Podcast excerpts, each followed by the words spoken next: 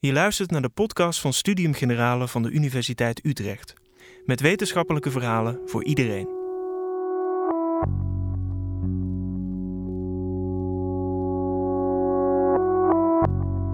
Jongeren lezen steeds minder en slechter. Een kwart van hen haalt zelfs het basisniveau niet. En ook in de rest van de maatschappij neemt de geletterdheid af. De potentiële gevolgen zijn groot. Om mee te kunnen komen in de samenleving moet je goed kunnen lezen en schrijven. Wie bijsluiters van medicijnen niet begrijpt of geen klacht kan indienen bij een onterechte boete, staat al snel aan de zijlijn. Hoe zijn we in deze leescrisis beland en hoe kan het leesonderwijs beter? Luister naar letterkundige Ira van Dijk. Ja, goedenavond. Ik uh, realiseerde me net dat ik volgens mij ben gevraagd hier omdat ik me heel goed boos kan maken over deze materie. Dus ik heb me net geprobeerd om me weer boos te maken. Dat was eigenlijk niet zo heel moeilijk. Want als je vijf minuten nadenkt over die leescrisis, word je al snel, of over geletterdheid in Nederland, word je eigenlijk al heel snel heel erg boos. Maar aangezien u bijna allemaal in het onderwijs werkt, bent u waarschijnlijk al boos. En hebt u mij daar helemaal niet voor nodig. Uh, maar misschien kunnen we met elkaar uh, de feiten nog even op een rijtje zetten en de consequenties daarvan. En ik dacht ook, ja, deze onheilsboodschap op zo'n regenachtige avond, weet ik ook niet of iedereen daarop zit te wachten. Dus misschien kunnen we toch aan het eind proberen om met elkaar te komen tot, uh, en dat is best veel allemaal voor 20 minuten, maar goed, eh, kijken wat we kunnen doen en wat, wat manieren zijn om er toch uit te komen uit eh, ja, leescrisis of de geletterdheidscrisis in Nederland. Want wat wil het geval? Nederland presteert relatief, ook in internationaal opzicht relatief, eh, steeds slechter met uh, lezen en dan gaat het vooral om uh, leesbegrip. En dat is een van de redenen, denk ik, om het vandaag over geletterdheid te hebben en over het probleem daarvan. Um, en waarom is dat nu zo belangrijk om het daarover te hebben? is dat, we hebben het net al een beetje gehoord, is dat de consequenties van laaggeletterd zijn, die, die eh, PISA en Pearl scores, die, die een van de dingen die daaruit blijken, of een van de dingen die uit de cijfers blijken, is dat 25% van Nederlandse jongeren dreigt laaggeletterd te worden of laaggeletterd de school te verlaten. Waarom is dat zo erg? Omdat er um, ja, evidentie is eigenlijk waaruit blijkt dat dat alle andere domeinen van het bestaan raakt. We hebben net al gehoord dat je zelfs moeite hebt met een popconcert boeken of de trein nemen. Je ziet dus ook dat het heel veel consequenties heeft voor digitale geletterdheid. Dus het is niet zo dat in een digitale samenleving dat je minder goed hoeft te kunnen lezen. Je moet eigenlijk alleen maar beter lezen um, dan vroeger. En um, laaggeletterd zijn is een voorspeller voor je inkomen, maar ook bijvoorbeeld voor je gezondheid. Als je gaat kijken, dan zijn eigenlijk heel veel documenten over laaggeletterdheid zijn gericht op artsen en op verpleegkundigen. Van hoe zorg je nu dat je mensen toch informatie geeft over ziek zijn en gezond zijn, als ze eigenlijk niet heel goed de taal begrijpen waar je het over hebt. Um, het is ook een voorspeller bijvoorbeeld waar je gaat wonen en dus uiteindelijk uh, hoe lang je gaat leven. Wat ook blijkt is dat uh, mensen die een lager niveau hebben van de kernvaardigheden, waaronder lezen, ook politiek minder actief zijn. Dus ook eigenlijk je democratische grondrechten kan je minder goed beoefenen als je minder goed leest. Dus het is niet zo um, dat je kan zeggen van, nou ja, dat is een, is een klein deelprobleem. Dat raakt je hele uh, bestaan. En dit zijn eigenlijk nog allemaal hele praktische dingen. Maar als je denkt in een, uh, als je emancipatoire denkt, kan je ook afvragen dat als je niet goed de taal beheerst, of je dan eigenlijk wel goed kan vertellen wie je eigenlijk bent waar je vandaan komt, waar je grootouders vandaan kwamen. Of je die hele culturele constellatie waarin we ons bewegen goed kan vangen als je niet goed kan lezen en je niet goed, uh, uh, niet taalvaardig bent uiteindelijk. Dus of je überhaupt wel um, ja, kan functioneren als burger en of je persoonsvorming eigenlijk uh, um, goed op orde kan komen als je dat culturele verhaal waar je in ingebed bent, um, ja, niet goed kan lezen en niet goed kan navertellen.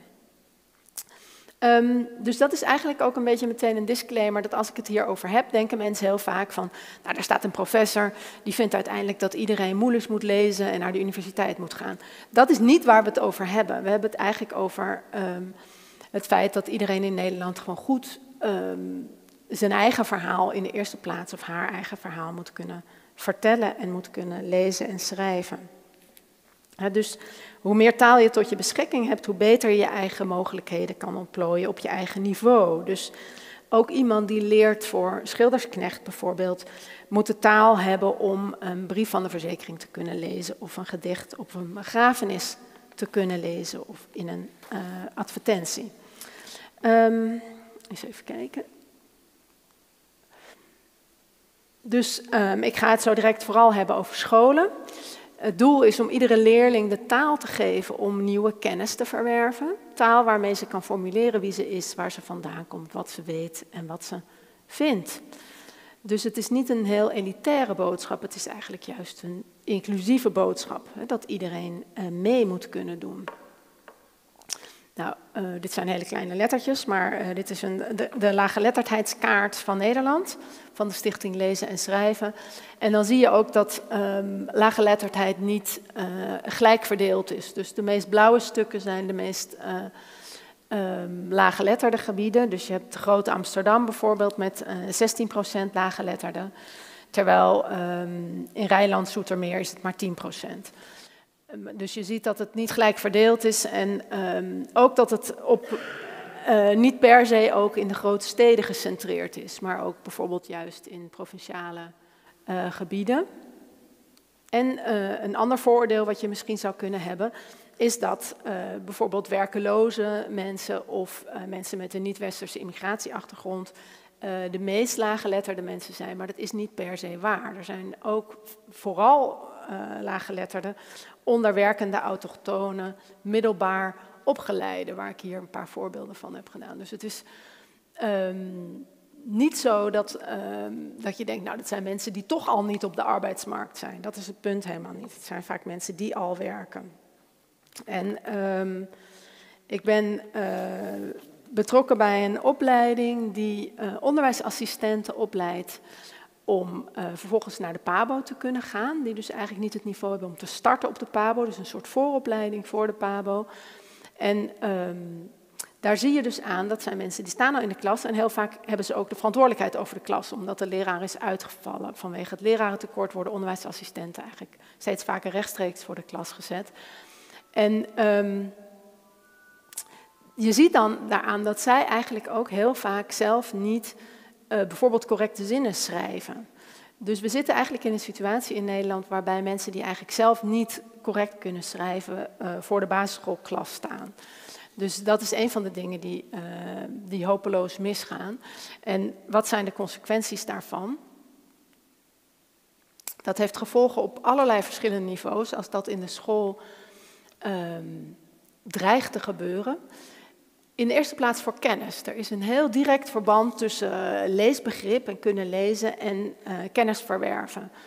Dus uh, slecht lezen heeft consequenties voor alle vakken, zelfs voor wiskunde. En dus het is niet zo dat je denkt, nou dat is voor Nederlands en een beetje voor geschiedenis en misschien een beetje voor aardrijkskunde. Überhaupt om kennis tot je te kunnen nemen moet je de structuur van een taal begrijpen. Um, het heeft ook consequenties voor leesplezier. Er is een aantoonbaar verband tussen leesvaardigheid en leesplezier. Dus je krijgt in Nederland eigenlijk een soort neerwaartse spiraal. Als je niet goed kan lezen, vind je het ook niet leuk. En dan ga je steeds minder lezen en dan ga je ook steeds minder goed lezen. En dan ben je steeds minder gemotiveerd om te lezen. En die neerwaartse spiraal, daar lijken we nog niet echt uit te komen. Er zijn wel allerlei uh, pogingen, daar gaan we het zo nog over hebben. Um, maar vooralsnog um, zijn er eigenlijk steeds minder leerlingen die lezen. En dan gaat u zeggen, dat komt toch vooral omdat ze de hele dag op hun telefoon zitten. Dat is ook zo. Maar uh, in andere landen waar ook mobiele telefoons zijn, zijn die cijfers eigenlijk veel minder slecht. Dus Nederlandse kinderen zijn ongeveer de minst gemotiveerde lezers um, van alle welvarende landen. Dus daar gaat echt iets heel erg uh, mis. En we weten um, nog niet precies wat het is wat juist Nederlandse kinderen zo ongemotiveerd maakt om te lezen. Um, zoals ik al zei, heeft dat uh, ook gevolgen voor ongelijkheid. Dus het heeft ook een politiek aspect, omdat dit ook niet gelijk verdeeld is. Dat um, kinderen op uh, witte scholen of kinderen van hoogopgeleide of welvarende ouders kunnen beter lezen en zijn ook gemotiveerder voor lezen. Dus dat is, uh, die ongelijkheid groeit eigenlijk en die kloof groeit ook. En dat is eigenlijk een van de redenen om er zo boos over te worden. Want je zou dus eigenlijk verwachten dat ongelijkheid afneemt naarmate we doorgroeien in de tijd en welvarender worden. Maar dat is in Nederland dus niet aan de hand. Een um, volgend probleem, ik noemde het net al, is de digitale geletterdheid, waarin we ook vrij slecht scoren in internationaal onderzoek. En ook dat uh, zou goed kunnen komen door die uh, slechte leesvaardigheid. Omdat je voor de skills die worden getest, als je wil weten of iemand digitaal vaardig is, gaat het heel vaak bijvoorbeeld om het vergelijken van verschillende bronnen van informatie. Nou, dat is allemaal uh, deel van taalvaardigheid. En het laatste probleem is um, van slechte leesvaardigheid uh, zijn de consequenties voor burgerschap en democratie. Nou ja, het is best wel een omineus verhaal aan het woord. Ik zie u ook allemaal steeds somberder kijken eigenlijk en een beetje zuchten. Maar het is eigenlijk heel logisch dat, je, um, dat het bedreigend is voor de democratie als uh, eh, 25% van de mensen bijvoorbeeld de krant niet leest. En niet dus op zich goede, neutrale informatiebronnen kan vinden over wat bijvoorbeeld politieke partijen vinden. En zich in plaats daarvan um, ja, op memes of, uh, um, of hele korte tekstjes moeten baseren of op tweets bijvoorbeeld. Dus um, lezen is uiteindelijk uh, een bron van uh, burgerschap en een bron van democratie of leesvaardigheid in ieder geval. Ik wou hier eigenlijk een preek gaan houden hierover dat dat dit eigenlijk zo cruciaal is dat iedereen zich hierbij betrokken zou moeten voelen. Ik, ik, merk heel vaak als ik het hierover heb dat mensen zeggen, nou ja, dat is een probleem voor de leerkracht op de basisschool of voor de leraar Nederlands. En dat zelfs als ik het erover heb met een leraar natuurkunde, dat hij zich ook echt totaal niet deel voelt van dat probleem. En um, dit probleem is eigenlijk zo groot dat we niet kunnen zeggen van nou dat is voor de leraar op school of het is voor de leraar Nederlands op de middelbare school. Dit is zo langzamerhand een probleem wat iedereen aangaat en waarvoor eigenlijk iedereen zich zo langzamerhand zou moeten mobiliseren en naar de lokale school toe stappen en zeggen kan ik iets doen? Wat gaan we doen? Of naar de bibliotheek. Um, en iedere leraar in een zaakvak of iedere natuurkunde of wiskundeleraar zou zich ook bewust moeten zijn eigenlijk van het taalbeleid van de school en de rol daarin die iedere leraar daar heeft. Maar het geldt dus ook voor opvoeders, ouders, uh, grootouders. Um, wat doe je om, uh, om te zorgen dat die geletterdheid nou ja, voor iedereen groeit? Niet alleen voor de hoogopgeleide, kinderen van hoogopgeleide, maar voor kinderen op alle niveaus. Dat geldt bijvoorbeeld ook voor kinderdagverblijven en voorscholen, waar um, het besef van taal uiteindelijk, zeker op de voorschool, is er wel het besef van taal, maar daar is nog verschrikkelijk veel te doen uh, als het gaat om uh, voorlezen, boekbezit, uh, toegang tot goede boeken. En bijvoorbeeld bibliotheekbezoek. Dus iedereen kan daarbij helpen. Nou ja, hoe ziet dat eruit in de praktijk? Um, bijvoorbeeld in het uh, voortgezet onderwijs. Ik uh, zet een paar dingen op school op, op een rijtje die uh, gerapporteerd zijn op een eigenlijk vrij doorsnee lyceum. Waar ze zeiden dat ehm, leerlingen, dat zijn dus niet speciaal laaggeletterde leerlingen, maar leerlingen moeite hebben met de abstracte schooltaal. dat heet in um, jargon heet dat um, uh, cognitief academisch taalgebruik.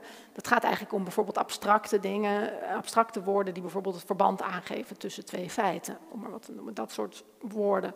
Daar hebben leerlingen toenemend moeite mee. Um, ze hebben, wacht even hoor. Um, ze hebben steeds meer moeite met um, het lezen van lange teksten. Ze lezen zelf steeds minder. Um, ze komen ook mondeling slecht uit hun woorden, rapporteerden die leraren. Ze spellen slecht. En uh, wat me ook opviel is dat de leraren in de school eigenlijk um, de neiging hadden om wat ze al deden steeds meer te gaan doen. Dus te zeggen, nou dan gaan we meer spelling oefenen, dan gaan we meer toetsen. In plaats van te denken, nou er gaat hier dus blijkbaar iets mis, dus we moeten iets anders gaan doen. Er moet echt in het leesonderwijs op de lagere en de middelbare school, moet er echt iets anders. Uh, want um, um, het heeft niet zo heel veel zin om te zeggen, we gaan nog meer uh, bijvoorbeeld de spellingsfouten met uh, nog meer punten bestraffen. De vraag is waarom leerlingen zo weinig gelezen hebben dat ze die spelling niet op een gegeven moment automatiseren.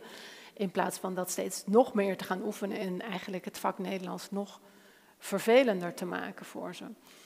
Um, je raakt dus in een soort neerwaartse spiraal, ook als je op die manier antwoordt. En een van de voorbeelden, we hadden er van de week een opiniestuk over, is uh, de taal in de zaakvakken. Waar je ook die neerwaartse spiraal ziet, waar eigenlijk um, steeds minder tekst wordt gebruikt. Dit is een voorbeeld van een methode en dan zie je hoeveel tekst er ongeveer uh, staat op zo'n uh, bladzij en hoeveel beeld er staat. En um, niet alleen krijgen die leerlingen hele um, korte tekstjes gepresenteerd, het zijn ook tekstjes waarin dus heel weinig van die abstracte woorden staan, waar zinnen achter elkaar staan zonder bijvoorbeeld verbindingswoorden, zodat ze ook die abstracte woorden niet leren.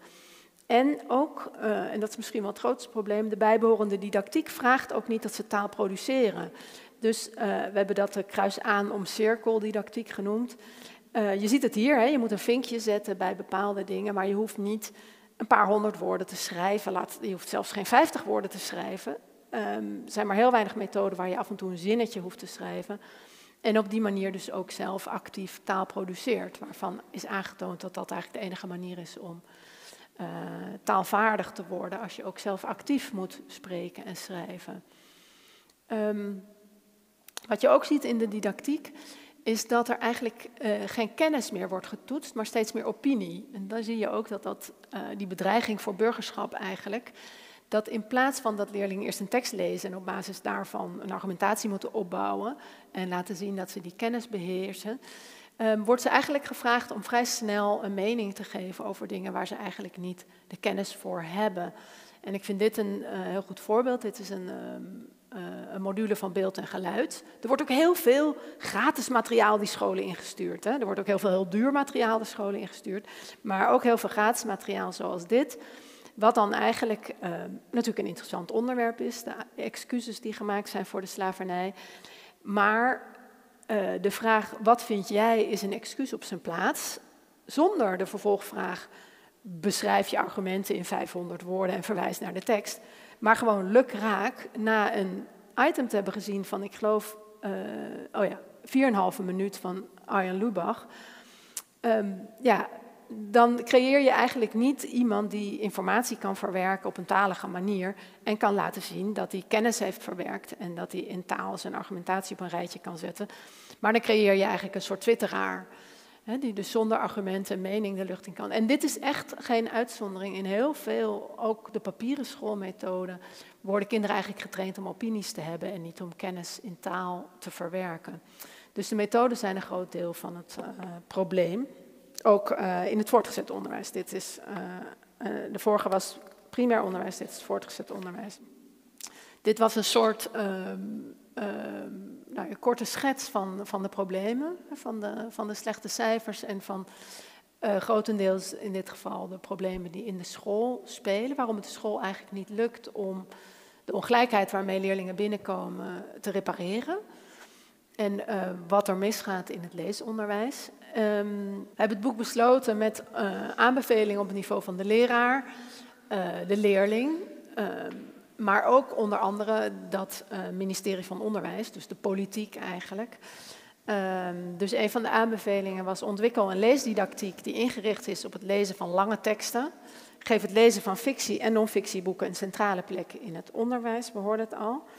En um, een van de aanbevelingen was, zet leesvoldoening centraal in plaats van leesplezier. We hebben in Nederland heel veel nadruk op leesplezier en daar moet eigenlijk alles voor wijken. Waardoor uh, je weinig eisen kan stellen aan uh, het niveau en de kwaliteit van de te lezen boeken. Want de leerling moet het boek leuk vinden. En um, door die term leesvoldoening leg je eigenlijk iets meer nadruk op het feit dat sommige boeken nu eenmaal hard werken zijn maar dat je daar meer resultaat uit haalt. En leesplezier is zeker op de basisschool echt wel een bedreiging voor een leesniveau. En, en als je kijkt zie je dat uh, sommige leerlingen in uh, groep 6 beginnen met het leven van een loser te lezen. En dat ze dat in 2 VMBO nog steeds lezen. En dat eigenlijk iedereen zegt, ja, maar ze vinden het leuk. Het gekke is, ik denk dat eigenlijk dat ze dat eigenlijk niet leuk vinden. Dat dus dat loslaten van eisen van lees nu eens iets wat net een beetje moeilijker is, net wat interessanter, ook een deel van het probleem is. Want vier jaar lezen van een loser lezen, ik weet niet of u het wel eens geprobeerd heeft, maar dat is niet leuk. Dus uiteindelijk lees je dan gewoon stomme boeken. Omdat ze makkelijk zijn, omdat er veel plaatjes, net als die uh, waanzinnige boomhut. Uiteindelijk zijn het geen leuke boeken. Dus uh, die leesvoldoening, uh, denken wij dat dat wel zou helpen als dat in het onderwijs wat meer genoemd wordt. Um, uh, zet inhoud centraal in al het leesonderwijs en geef leerlingen strategieën om zich te verbinden met die inhoud, die te begrijpen, analyseren en interpreteren. Nou, het goede nieuws is, ik had ook beloofd ik zou eindigen met goed nieuws, is dat er um, nieuwe concept-kerndoelen en concept-eindtermen zijn voor het onderwijs. En dat die veel meer sturen richting uh, echt lezen met begrip. In plaats van, u kent misschien nieuwsbegrip van de basisschool, in plaats van alleen een tekst en daaronder wat vragen die je eigenlijk kan beantwoorden zonder de tekst te lezen. Hè, gewoon door even terug op te zoeken. We hebben het allemaal vroeger ook wel op school gedaan, denk ik. Nodigen deze nieuwe kerndoelen wel echt uit om uh, met die tekst aan de slag te gaan. En uh, ligt er veel meer nadruk op literatuur, maar er ligt ook veel meer nadruk op echt uh, diep begrip. Dus de, als de scholen hiermee aan de slag gaan, hebben we wel hoop dat de neerwaartse spiraal een opwaartse spiraal wordt. Dat, met die bemoedigende woorden moeten we misschien voor nu afsluiten. Je hoorde een aflevering van de podcast van Studium Generale. Benieuwd naar meer afleveringen? Ga naar sg.uu.nl/podcast of abonneer je op je favoriete platform.